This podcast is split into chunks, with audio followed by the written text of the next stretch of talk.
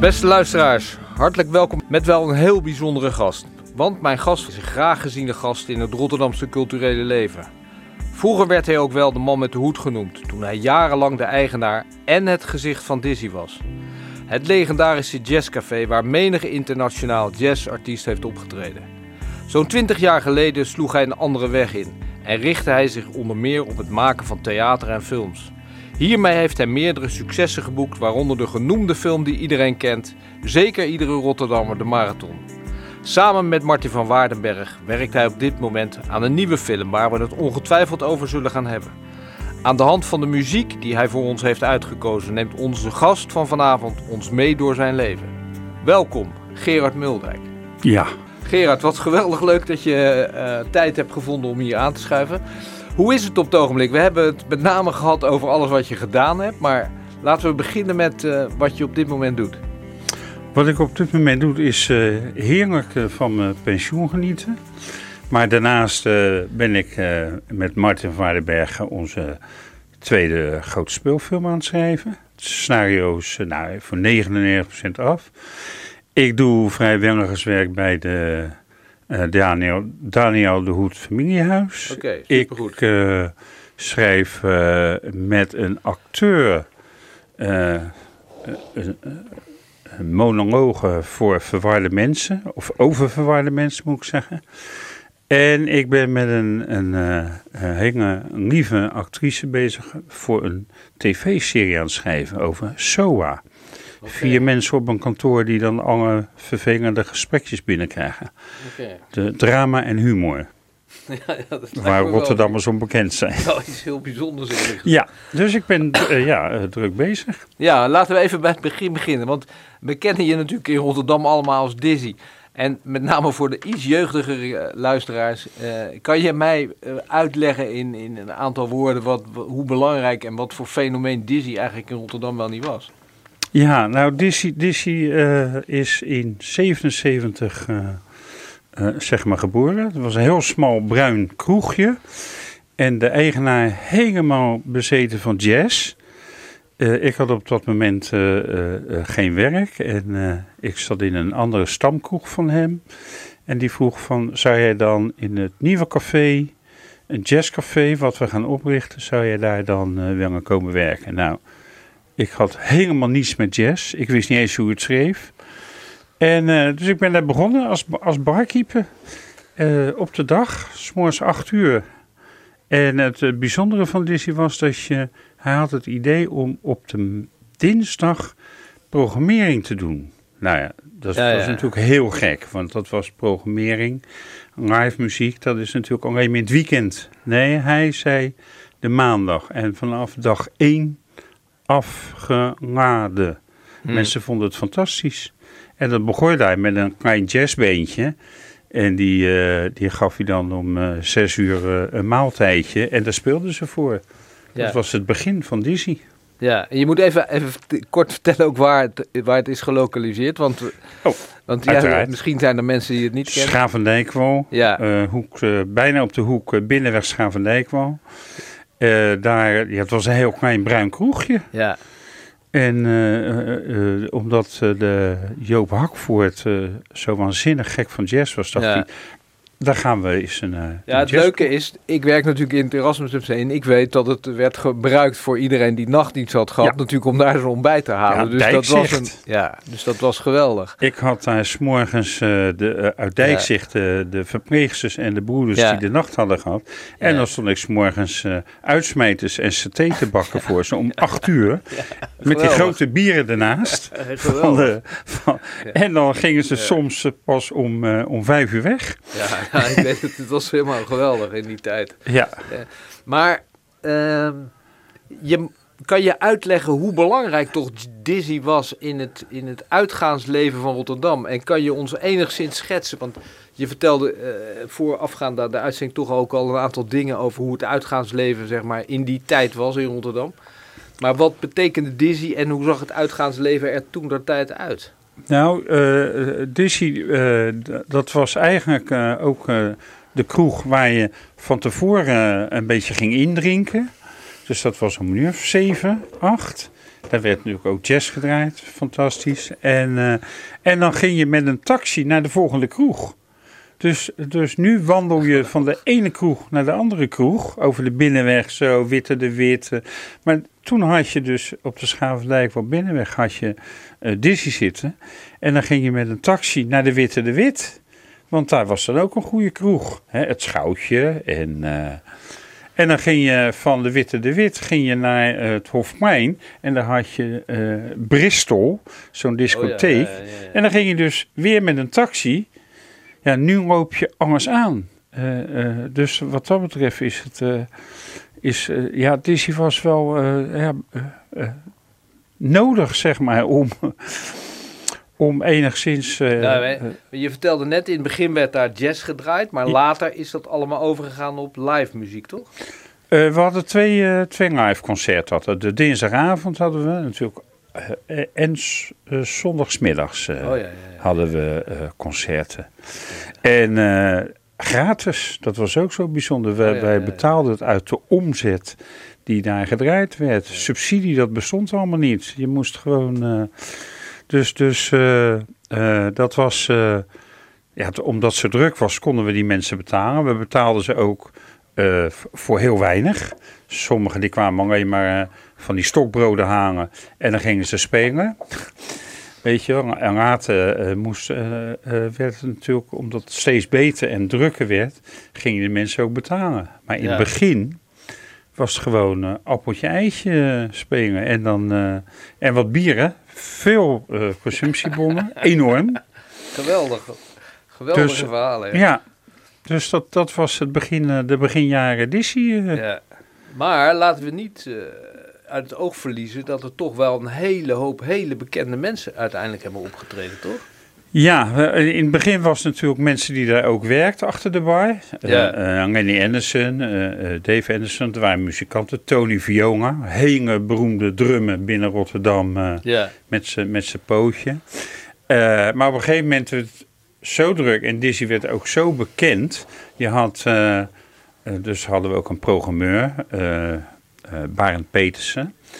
En we hadden een keer uh, Hans Dulven, een top, top uh, saxofonist.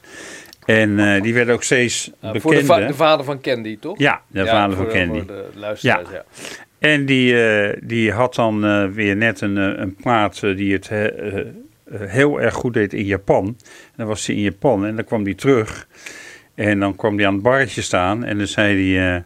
Ja, het was toch weer een kutjaar. Eh. En dan zei ik, je komt net uit Japan. Hij zegt, ja, maar ik heb dit jaar nog niet in Dizzy gespeeld. Ja, ja, dus dat vond hij, dan was het voor hem toch een slecht jaar geweest. Weet je? Dus nou, Je vertelde in het begin, uh, Gerard, dat je zelf eigenlijk niet zoveel met muziek eh, had. Maar is dat er wel langzaam ingegroeid? Nou, ik, ik zou je vertellen, de, de jazz, daar ben ik natuurlijk ingegroeid. Zeker als je het 25 jaar doet, dan weet je wel uh, twee keer per week live muziek. Maar er kwam een keer een, een, een, een, eh, een gast binnen, eh, die natuurlijk altijd s'avonds kwam. Ik werkte daar uh, s'morgens 8 uur tot, tot 5 uur. En hij komt binnen, s'morgens vroeg. Hij was doorwezen zakken en hij zegt... uh, heb je iets van uh, Charlie Parker? Ik zeg, meneer, we verkopen geen cocktails. maar toen zei hij, lul, dat is uh, derde rij, daar staat die LP, zet die eens heel snel op. Zoveel wist ik van jazz, weet je. Ik bedoel. we, gaan, ja, we kunnen eindeloos over doorpraten, Gerard. Het is echt waanzinnig leuk om dat, al die, die herinneringen te horen. Maar we willen natuurlijk ook toch wel iets van je muziekkeuze. En je eerste keuze, dat is Ben. Ja. Leg dat eens uit. Nou, Ben, dat is, dat is dat van Michael Jackson. Dat was in de jaren, uh, wat zal geweest zijn, 72 zo'n beetje. En dat was ook wel de periode, ik was 21, weet je wel. En ik was iedere acht seconden verliefd. Oh, ja, ja, En dan was dit voor mij wel, uh, als ik dan uh, op mijn zolderkamertje zat met een uh, leuke, uh, lieve vriendin, dan moest ik altijd even Ben draaien. Daar kon ik zo heerlijk mee schrijven, zeg maar. Ik zou bijna zeggen, doe je ogen dicht, want ja. uh, daar komt Ben. Oké. Okay.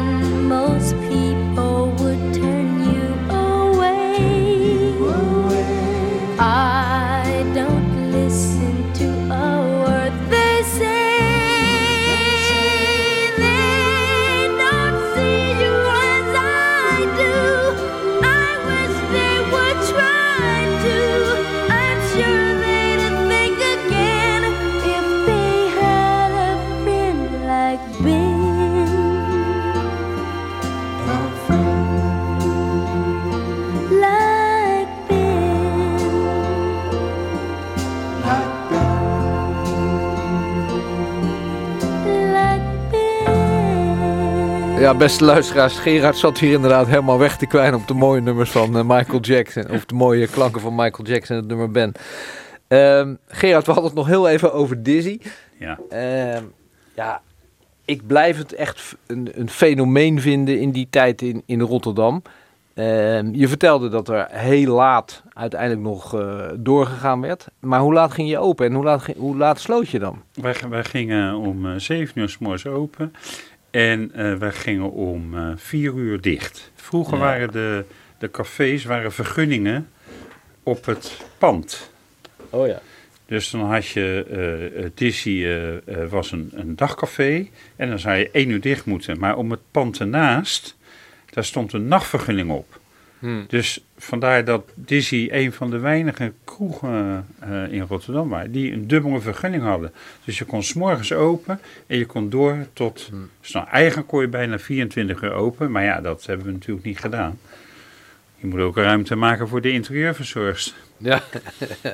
Dus. En die had dan drie uur de tijd, zeg maar, Die om had alles, drie uur de tijd alles schoon te maken. En om dan, het schoon te maken. en dan kwam de nachtdienstploeg uit het Erasmus, Wij, die wij, kwam hadden, wij hadden de, eh, de broeders zusters van Dijkzicht, hè, dat toen, Ja. toen de tijd Dijkzicht. Ja, ja. We hadden smiddags hadden we kantoormensen Oh ja, ja, ja. en je had ook de kunstacademie daar zitten. ja. Dus dat was een beetje het publiek wat je, wat je op de dag had. Ja. En, eh en eh, s'avonds eh de jazzliefhebbers. Dus het was een vrij breed publiek wat uh, Dizzy aantrok. En, en, en wat was de culturele standaard, zeg maar, van Dizzy? Als je dat, dat, dat probeert te graderen, zeg maar. Eh, nou, ja, eh, eh, ik moet wel zeggen dat, omdat natuurlijk zo een, een, een, een- weinig te doen was in dat Rotterdam, kwamen ze van, van eh, je had daar vlak in de buurt Lantaarnvenster. Ja. Dus eh, ook die acteurs, eh, eh, actrices, die kwamen daar naartoe. Eh, de, de programmering werd steeds beter. Dus we Ja. hadden wel een, eh, een enorm goede naam. Je had in Hmm. Amsterdam had je een, een kroeg waar eh, de bamboe of zo, ja, de bamboe heette dat of zo. En dat was Maar het is het niet zo erg als je dat niet weet, hoor. Nee, nee. het, is, het is vrij lang geleden. Ik ben bijna 70. Ja, nee, maar ik bedoel, het is Amsterdam, dus dan is Ja, het nooit nee, zo. oké. dat. Ja, Dat niet weet. 020 moet ik eigenlijk Ja. zeggen. Want, eh, maar dan kom, automatisch kom ik bij de volgende vraag. Want waar staan wij nu in Rotterdam als je eh, het culturele leven bekijkt? En dan misschien Nou, niet zozeer het ik- artistieke, maar met name het muzikale. Het muzikale, eh, dat, dat, dat is... eh, Eigenlijk is dat, dat is juist weer een beetje aan het minderen. We hadden natuurlijk vroeger Nighttown. We hadden, Ja. weet je wel, we hadden een goed poppodium. Th- Th- Theo, Tetje, Tetje die stond bekend, hè, Nou en Wauw. Dus we hadden wel, ook als dansstad en muziek, stonden we best wel eh, eh, hoog. En dat is, dat is wel een beetje minder, vind ik, wat dat betreft. Maar ligt dat aan corona of ligt dat aan... Nou, het zit die periode ervoor wel. Corona heeft natuurlijk ook niet meegeholpen dat die dingen zich nu aan het kunnen ontwikkelen wat dat betreft. Want we liggen toch twee jaar stil. Ja. Maar dat is overal Ja, wat dat betreft. ja. Maar de, er gebeurt wel qua theater en, en, en eh, de, de, de film zijn ze toch nu wel wat... Kijk, Rotterdam is natuurlijk een fantastisch eh, mooi decor. ja. Eh, dus iedereen wil filmen in Rotterdam. En dat hebben we wel een Maar beetje gemist. Ja, maar nog heel even terug naar het muzikale. En wat zou er in jouw ogen moeten gebeuren? Wat zou jij als geaarde Rotterdammer nou en muzikant graag willen dat er in Rotterdam zou gebeuren? Ja, dat er weer een, dat er weer een goed eh, podium eh, komt in Rotterdam. eh. zoiets als Nighttown, weet je. Ja. Dat, zou wel weer... ik, zou, ik zou begot niet weten wat, waar dat nu in Rotterdam te vertoeven is. wat dat betreft. Maar dat, dat, dat moet toch te realiseren zijn, zou je Ja. zeggen? Maar daar ga jij je nog hard voor maken. Nee. Niet? nee, want ik, ik zat natuurlijk bij de voorbereiding ook, want dat Disney bestaat natuurlijk alweer bijna 45 jaar. Dat zijn natuurlijk toch wel ja, legendarische, aan, 1977. legendarische aantallen. En dat dus ik heb er prachtig. bijna 25 jaar van deel uit eh, eh, mogen maken. Maar het zou natuurlijk zonde zijn als Rotterdam zo'n groot podium zou missen. Dus Ja, Nou, in Maar ieder er geval... gebeurt helaas te weinig in, in, in, in Disney wat dat betreft. eh, Oké, dus, nou, dan ga jij je daar hard voor maken. Dan eh, gaan wij jou voor- daarin voor- ondersteunen. Maar Rotterdam moet muzikaal weer op de kaart. Ja, ik ben altijd een, groot, een groot fan van Codarts natuurlijk. Dat is echt Ja. iets unieks. Ja, dat is niet verkeerd. Dat En is echt, Dan eh, moeten we echt zorgen dat we natuurlijk gewoon een aantal podia hebben... waar die, waar die jonge, Ja. jongelui zeg maar, moeten kunnen Ja. optreden, toch? Daar heb je zeker een goed punt. Dat, dat moet. Ja, Dat ja. vind ik echt geweldig. Hey, we gaan, eh, want de tijd ja, die vliegt, Gerard, eh, naar je volgende eh, plaat. ja Dave Brubeck. oké. Leg uit waarom en hoe. Take 5. Ja, Ja, kijk, de, voor mij was Take 5 was ideaal. Die, de, je hebt de uitvoering van 16 minuten. ja ik weet die niet gaan of we vanavond niet draaien. Nee, zou ik ook niet doen. Maar die zette ik dan op. En dan kon ik 16 minuten gewoon keihard eh, bier verkopen. In, in, in Dizzy, Ja, ja. weet je.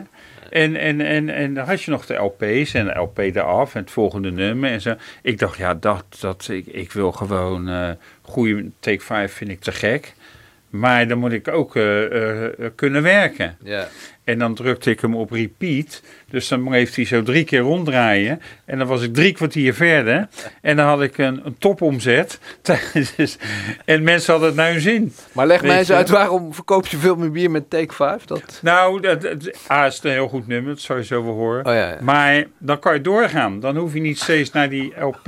Oh, die en dan hoef je niet, weet je wel. En de echte jazzliefhebbers, die dan, of de barkeepers die helemaal gek van jazz zijn, die zei. Oh, staat hij weer op, weet je wel.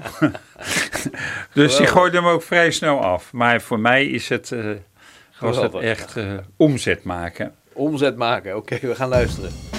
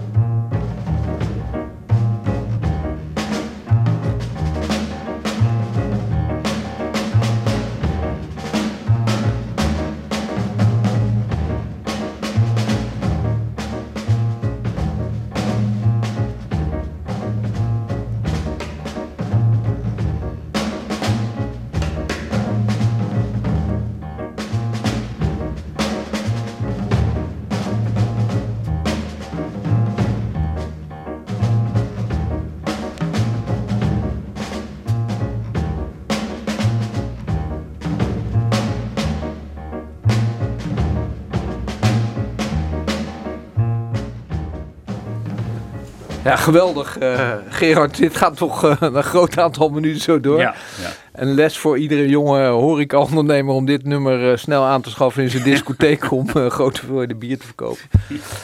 Het laatste wat we over Dizzy gaan vertellen, dat is toch dat er natuurlijk ook een groot aantal zowel nationale, maar ook internationale grootheden hebben opgetreden en, en daar ook regelmatig te zien waren. Bekende Rotterdammers ook. Nou, je noemde zelf al, uh, met name uh, Jules Dilder natuurlijk is daar heel bekend. Ja. Maar ook Wilfried de Jong. Ja.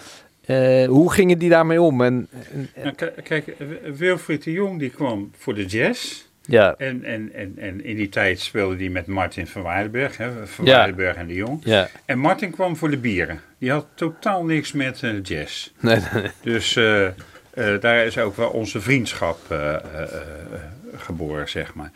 En, en, en Wilfried, omdat hij zo gek van jazz was, die had ik, hadden we één keer in de drie maanden hadden we zo'n jazzconcert s'nachts. En dan uh, zei ik, Wil, wil jij dat een beetje aan elkaar praten, weet je wel, die, die, die nachten. Dan had je Neil Cool Collective en uh, met Benjamin Hermans. En uh, dan zei hij, ja, is goed. En hij zegt, wat betaal je? Weet je, zo, maar meer als grap. Ik zei, nou, dan doen we Iedere keer als je dit doet, maak ik een envelop en dan doe ik geld in. Hij zei, ja, en dan gaan we naar de witte. De witte maken we het op. Maar niet zeggen hoeveel je erin stopt. Als het niks is, vind ik het ook goed. Dat was een beetje onze deal. Dus uh, hij had weer zo'n nacht, uh, het was hartstikke druk, te gek. En hij staat met uh, twee uh, uh, meisjes te praten. Ik zeg, ga even je envelopje in orde maken. Ik loop naar boven, naar de kluis. En ik pak 30 briefjes van 100. Die stop ik erin. Ik denk, ik ga hem eventjes als grap even de brits maken bij die twee dames die daar staan hè, met hem. Dus ik loop naar beneden.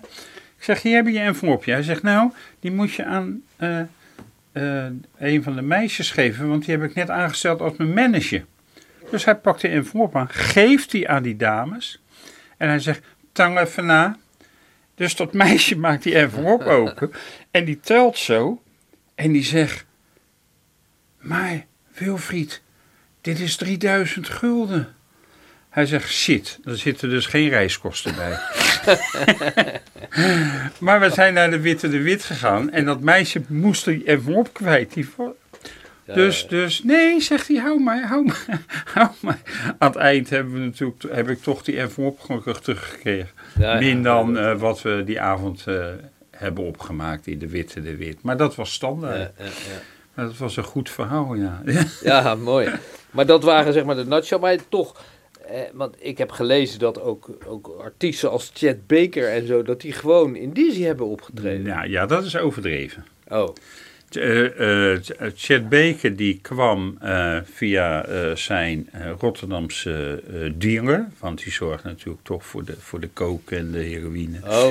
En die kwam Dizzy binnen en we hadden net Hans Eikenaar en echt jonge, jonge gasten, die waren aan het spelen die, die avond. En Chet Baker komt binnen, ja dat is, maar die was zo van de wereld af, dus die heeft daar wel gespeeld. maar hij heeft het zelf niet meegemaakt. Het podium uh, op moeten dragen, zeg maar. En hij, het, het, het, was, het was natuurlijk slecht ja, wat er ja. gebeurde. Maar was dus, dat een groot probleem in die tijd eigenlijk? Drugs en... en nou ja, en, en niks in Dizzy. Nee, nee, nee, ik bedoel, zelfs als je een broodje uh, draaide, dan moest je weer naar buiten gezet. Dus ja, dat ja. Zou ongetwijfeld gebeurd zijn. Ik bedoel, uh, ik heb wel eens uh, op het toilet dat ik gewaarschuwd werd dat ze op het toilet stonden te dingen. Dan ga je daarbij staan en zeg jongens, dat kan echt niet. Nou, die waren twee koppen groot. en dan zei ze, waar bemoei je mee? En dan bleef je toch staan. En zo, ze hadden wel respect voor, het, voor Dizzy wat dat betreft. Ja. Dus dan uh, gingen ze er toch uit. Maar het was altijd wel. Uh, die momenten waren vervelend. Ja, en, nee, ik kan me uh, Het gebeurde zelden. Ja. Maar uiteindelijk heb je er een punt achter gezet. En, en, en, wat was de belangrijkste beweegreden? Of was dat... Nou, als je het 25 jaar doet en 24 ja. jaar, en het zijn tropenjaren, het is ja. zeven dagen in de week, dan dan ben je er wel klaar mee. En ja. uh, het was ook weer zo'n periode dat weer een nieuwe groep barkeepers, bar, weet je wel. Ja. En ik ha- kreeg steeds minder energie wat dat betreft. Om die mensen weer op te rijden. Om te, Eh, dus toen ben ik toch, eh, ik ben gewoon gestopt. Ik dacht, eh, ik wil dit niet eh, tot mijn 65ste doen. En ik, ik was 50 Ja. En ik dacht, ik wil wat anders doen. Nou had ik ook nog in de studietijd van twee jongens, eh eh, Mark van Staveren en eh, Peter Wilme. Die werkten als barkeeper bij mij in hun studietijd. En die zijn Man at Work tv-producties begonnen. Oh ja. En, en toen ik daarmee stopte, vroegen ze of ik bij hun dus publieksmanager en productie wilde doen. Nou, dat was voor mij ideaal. Van, van zeven dagen in de week naar eh, een, een vierdaagse eh, werkweek. Dat werd Mm. vijf dagen. Ja. Ja, fantastisch. Dus die overstap. En ik, ja, ik vond het toch wel. Ik vond televisie al en, en film vond ik al erg leuk. Ja, we gaan het daar eh, natuurlijk zo uitgebreid ja. over hebben. Hoe je, hoe je dat Ja. allemaal doet en, en wat er allemaal aan voor nodig is. Dus, eh, Dus maar daar ben ik, eh, daar ben ja. ik toen eh, overgestapt. Daar ben ik gestopt. Ja. Want ik was ook maar na zoveel jaar eh eh eh, eh, Dizzy. Fantastische tijd. Maar je hebt hem, eh, met bloedend hart heb je uiteindelijk toch een punt erachter gezet. Nou, zeker wel. Ja, Ja. ja, Dat Ja. was, je hebt het natuurlijk toch wel opgebouwd tot een begrip in, in Rotterdam. ja. Luister, voordat we gaan praten over die volgende carrière van je, eh, gaan we luisteren naar eh, de Buena Vista Social Club. Ja. Waarom? Eh, ik had eh, wat dat betreft achter de bar mensen werken die ook die ik voor de bar had. Dus de theaterwereld kwam. Dus ik had ook studenten die op de theaterschool had ik achter de bar staan. Ik had natuurlijk jazzliefhebbers achter de bar staan, zangeres. Dus ik had altijd het. Dat is ook de kracht van Dizzy geweest, denk ik. Mensen die voor de bar kwamen, de, werkten ook achter de bar. Ja. En Reinhold eh, Rikkeman, dat was een, die ging, stond op de theaterschool in 020. En die moest een eindexamen maken. Een, een, een stuk, eindstuk voor haar examen. En die vroeg of wij daarin wilden acteren. Dus we kregen van haar, hè, zij zou Mhm. Kregen van. En, en dat was met zes, zeven mensen die in Disney werkten. Die gingen in dat stuk dus eh, eh, acteren. En een vriendin van haar, Nicole, Nicole die, eh, daar moest ik een tango mee doen. Nou, ik kan een beetje dansen, maar tango was te ver gegrepen. En dat hebben we op deze muziek gedaan. En die scène was dan dat ik met haar danste. Dan liet ik mijn hand een beetje langs haar rug, op haar kont. En dan deed ze die hand weer goed. Het is een klein MeToo dingetje. En dan weer Ja. op die kont. En dan kreeg ik tijdens die dans onverwachts dan, dat hadden we goed geoefend, een tik in mijn gezicht. Bam, dat was de scène. Dus dat hadden we goed geoefend. Er was tussen ons eh, eh, in die drie maanden dat we dat repeteerden best wel een spanningsveldje. Positief. Eh, ze had een vriend. En wij doen de première in V2 bij de Witte de Wit. En eh, nou ja, fantastisch. Succes. Dag eh, twee, de avond. We hebben zes avonden achter elkaar gespeeld. Ook goed. En dag drie, we doen weer die tango. Ik zak weer af met mijn hand en ik krijg onverwachts een tik in mijn gezicht. Hard. Iets te vroeg als dat we geoefend hadden. Dus dat deed zeer. Dus ik zeg na afloop, Nicole, waarom? Zegt ze, ja, mijn vriend zat op de tribune. Dus ik moest laten zien dat ik het echt niet waardeerde. Nee. Later, een jaar later, eh, eh, eh, zag ik ze weer en zegt ze... Het is uit met mijn vriend. Zullen we nog één keer de tango doen? Het doet een beetje denken aan El Pacino in Sense of a Woman. Ik weet niet of je die film gezien hebt, maar dat is ook een prachtige scène hoe hij daar die, die tango danste. Ja, ja, ja. ja. Nou, hartstikke leuk. We gaan er naar luisteren. is goed.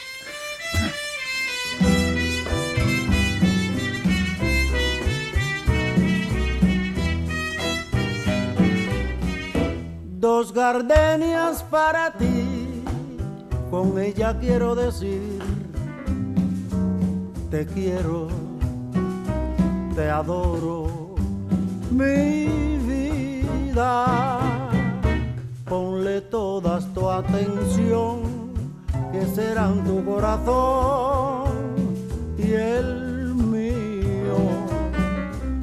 Dos gardenias para ti, que tendrán todo el calor de un beso, de esos besos que te di y que jamás te encontrarán en el calor de otro querer a tu lado vivirán y se hablarán como cuando estás conmigo. Y hasta creerán que se dirán Pero si un atardecer las gardenias de mi amor se es porque han adivinado que tu amor me ha traicionado porque existe otro querer.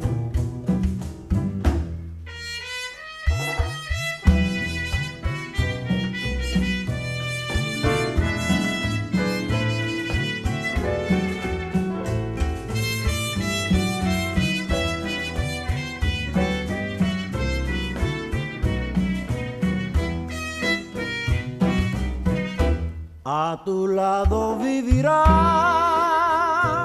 y se hablarán solo cuando estás conmigo. Y hasta creerán que se dirán te quiero.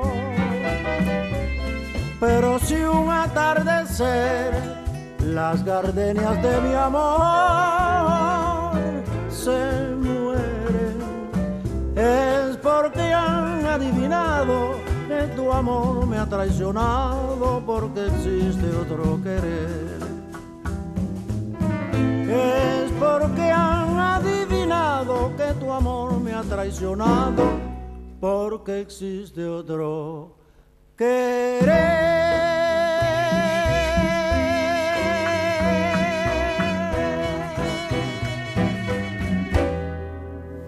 Prachtige muziek, uh, beste luisteraars. Uitgezocht door mijn gast van vanavond, Gerard Muldijk. Uh, Gerard, ja, we hebben het uitgebreid gehad over uh, je muzikale carrière, zou ik bijna zeggen, bij, bij Dizzy. En je horecaverleden. Je hebt uitgelegd, je hebt op een gegeven moment de stap gemaakt naar film en theater. Ja. En ehm, ja, we kunnen er natuurlijk niet omheen om, om je grootste succes, om over je grootste succes te praten, de, de film De Marathon. Ja. En ja, ik ben natuurlijk niet objectief. Ik ben geboren en getogen Rotterdam, maar ik vond hem helemaal geweldig. De humor, waar komt dat in hemelsnaam vandaan? En neem ons in het kort even mee hoe zo'n film tot stand komt. Ja, ik uh, ging uh, toen de tijd met Van Waardenberg en de Jong mee. Als ze dan weer uh, optraden in Groningen. En dan ging ik een, een, een weekend met ze mee naar Groningen. En uh, dan reden we terug. Uh, en dan in het weekend hadden we aardig wat uh, bieren op. En ik had toen de, ik heb de marathon gelopen ook twee keer, de Rotterdamse marathon. Zelf? Ja. En dan zei ik, toen vertelde ik, Mart, dat is zo mooi. Weet je wel, de, je ziet daar zoveel drama ook. Weet je wel, de, de, de eerste duizend gaan vrij snel over die ja. streep heen. Maar uh, ik heb hem gelopen en uh, er deden geloof ik toen de tijd uh, eh, 10.000 lopers mee. En ik was 5000ste ruim. En aan de streep stonden mijn zoons. Die waren vijf en zes jaar en die stonden met zo'n bekertje in de hand. En daar stond dan op, mijn papa is wereldkampioen. Ik was kapot. En ik had een tijd, weet je wel, ruim vier uur. Uh, en uh, dan, dat, dus dat is drama, dat is mooi. En uh, ik zeg, hier zit een verhaal in. Dus we zijn een week of twee later in Dizzy gaan zitten. En na 15 Hertog Jan hadden we een aardig verhaaltje al. Zo was het eerste idee van de marathon lopen. Over vrienden die dat gaan doen, weddenschap en zo. En dat hebben we een, een, een jaartje volgehouden. Regelmatig eh, dingen verzinnen. En uiteindelijk hadden we een, een aardig scenariootje. Hmm. Het eerste scenario wat we hadden waren vier vrienden die de marathon Ja. gedoet. En dan gaat er één dood. Eh, 23 we hebben 23 keer herschreven hè, in vijf jaar. En, de, en de laatste eh, het scenario wat we geschreven hadden was eh, drie vrienden en een uh, allochtoon. Ja. Zo gaat het dan. Dan zegt zo'n producent van, eh, kan je er een allochtoon in schrijven? Want ik heb nog een subsidiepotje gevonden ergens. En eh, nou, dan schrijf je er een marathon, een, een, sorry, een allochtoon bij in die Het is garage. wel erg dat het op deze Dus, manier dus moet, dat maar- is echt. eh, en, en dan heb je een scène geschreven in Brugge, de loop, omdat hij een Belgische co-producent had. En je, dus het verhaal blijft wel staan, maar je schrijft wel dingen, eh eh, Maar locaties. waar ik zo benieuwd naar ben, Gerard, is die humor die in die film zit. ja. Schrijf je dat van tevoren, zeg maar, broodnuchter op? Of ontstaat dat gedurende dat je de scènes het, maakt? Het, het on- ontstaat, ja. Eh, eh, je schrijft niet echt de humor. Kijk, als je drama erin schrijft, daar zit ook humor in. Ja. Dat, dat is een combinatie. eh, het, het, het, kan niet eh, los van elkaar bedacht Ja. worden. Zo'n zo'n scène van de verjaardag, dat is een mooi voorbeeld. ja. Waar ze in die tuin zitten en ze vieren de ja, ja, verjaardag. ja, ja, ja. Dan, dan komt, dan gaat Gerard gaat eh, vertellen, nou, eh, mijn zoon komt thuis, weet je wel. Maar dat is echt gebeurd. Dat, dat, eh, mijn mijn broer Dirk, die zegt, nou, mijn zoon is nu eh, 15 en die komt thuis en die zegt dan... Pa, ik moet je nou toch even vertellen. Ik vind, ik hou mannen, ik hou van mannen. En, en, en mijn broer Dirk is een, zo'n vrij grove bouwvak hè, in zijn mond, een scheet van een man. En die zegt dan, nou, eh allereerst, eh, ik hoop dat je gelukkig wordt, maar dan mag je niet meer bij papa op schoot. Ja, dat, zijn de, de- dat, dat is Rotterdam, dat is de... Nee, maar het is geweldig. En ook en, en, en dat, als je dat inschrijft en die acteurs pakken, die, die kunnen dat zo mooi spelen. Dus het ontstaan ook dingen gewoon. Ja, maar ik heb niet eens het gevoel dat ze het spelen af en toe. Ik heb gewoon Nee. het gevoel dat de humor echt heel oprecht is. De Ja, hele scène nou, dat- aan tafel over dat klokkenhuis, ja. dat ze geopereerd is. Ja, ik vind het... Fantastisch. Het is, het is niet eens gespeeld, het is helemaal geweldig. Ja, ja, ja. en ja. ja. ja, dat is... En wat ik eh, eh, me afvroeg, hebben jullie, zowel jij zeg maar als regisseur en producent, hebben jullie ook het gevoel dat je de waardering voor de film hebt gekregen die je had verwacht? Ja, ja, zeker wel. Ja, ja, ja, ja. ja. Ja. We, wat dat betreft, eh, we hebben natuurlijk ook een Gouden Kalf publieksprijs.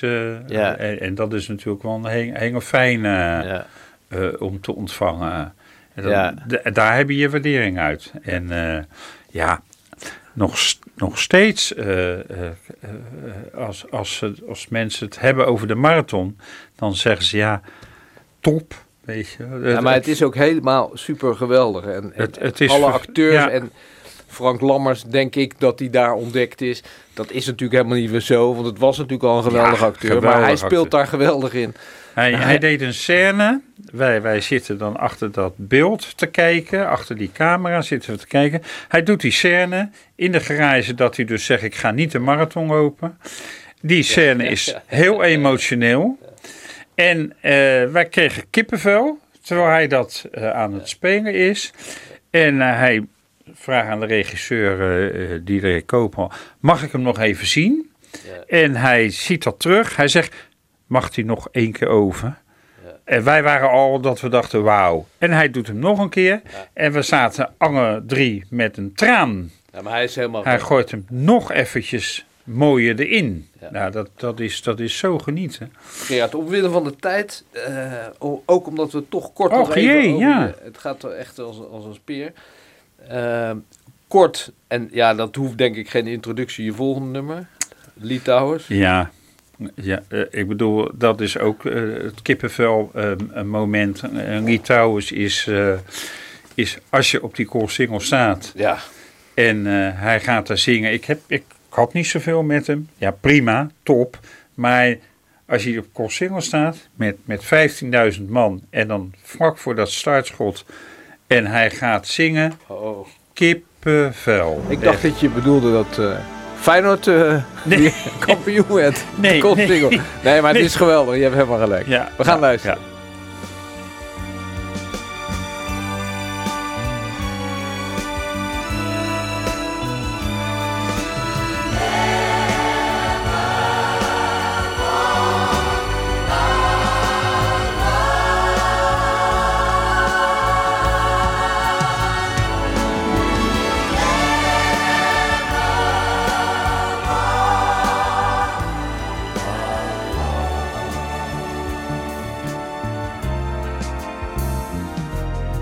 When you walk through a storm, hold your head up high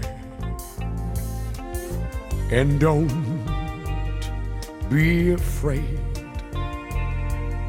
of the dark.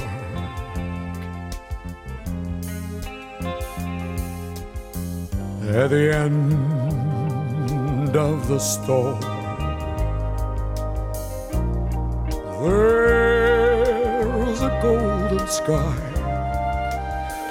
Ja, Gerard, eh, prachtig nummer natuurlijk. Ja. eh, ehm, waar ik het. echt in de laatste paar minuten nog even met je kort over wil hebben.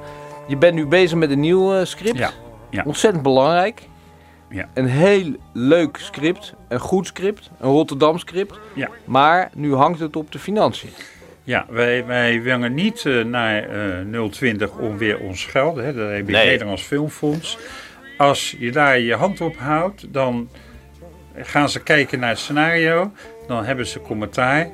Dat duurt weer drie maanden. En dat gaat maar door. En dat gaan we niet doen. Dat gaan we niet Wij doen. willen gewoon... We hebben, Maar dat eh, gaan we niet doen, Gerard. Dit is Radio Rijnmond. Ja. Dit is Rotterdam. En wij gaan gewoon met z'n allen zorgen dat die fi- film gefinancierd wordt. Want voor alle duidelijkheid, al het geld wat je nu erin stopt, krijg je terug op het moment dat het weer een succes is, toch? Ja, ja zeker. Ja, ja. We, gaan, eh, eh, we zijn bezig met een crowdfunding eh, aan het opzetten. En ik, ik, ik, ik ben met volgende maand heb ik, zijn ze uit Dubai terug. Dat zijn havenbronnen. En daar hebben we een gesprek mee. die willen sponsoren. Dus, Havenbronnen zijn goud. ja. Want dat zijn Rotterdammers ja, van harte, dat zijn juist. hart en ziel. Dus, Dus in die zin zijn wij bezig met eh, geld ophalen, zodat we Super. moeten 3,5 miljoen hebben. Gerard, we gaan ervoor Zitten mijn reiskosten bij wel dan? Oké. En die van Martin. Je bent hier op de fiets. hey, Gerard, ongelooflijk bedankt. Ja. Ik eh, vind dat de tijd echt gevlogen is, maar dat komt Ja, met name zeker. door jouw bevlogenheid en je leuke verhalen. Ik dank je ontzettend en ik weet zeker dat iedereen gaat bijdragen aan dit eh, bedrag Ja, om weer een fantastische film waar iedereen eh, van kan genieten te gaan dat maken. gaat het zeker worden. Dus nogmaals dank en Jij ook bedankt. we zien elkaar. Dankjewel. Is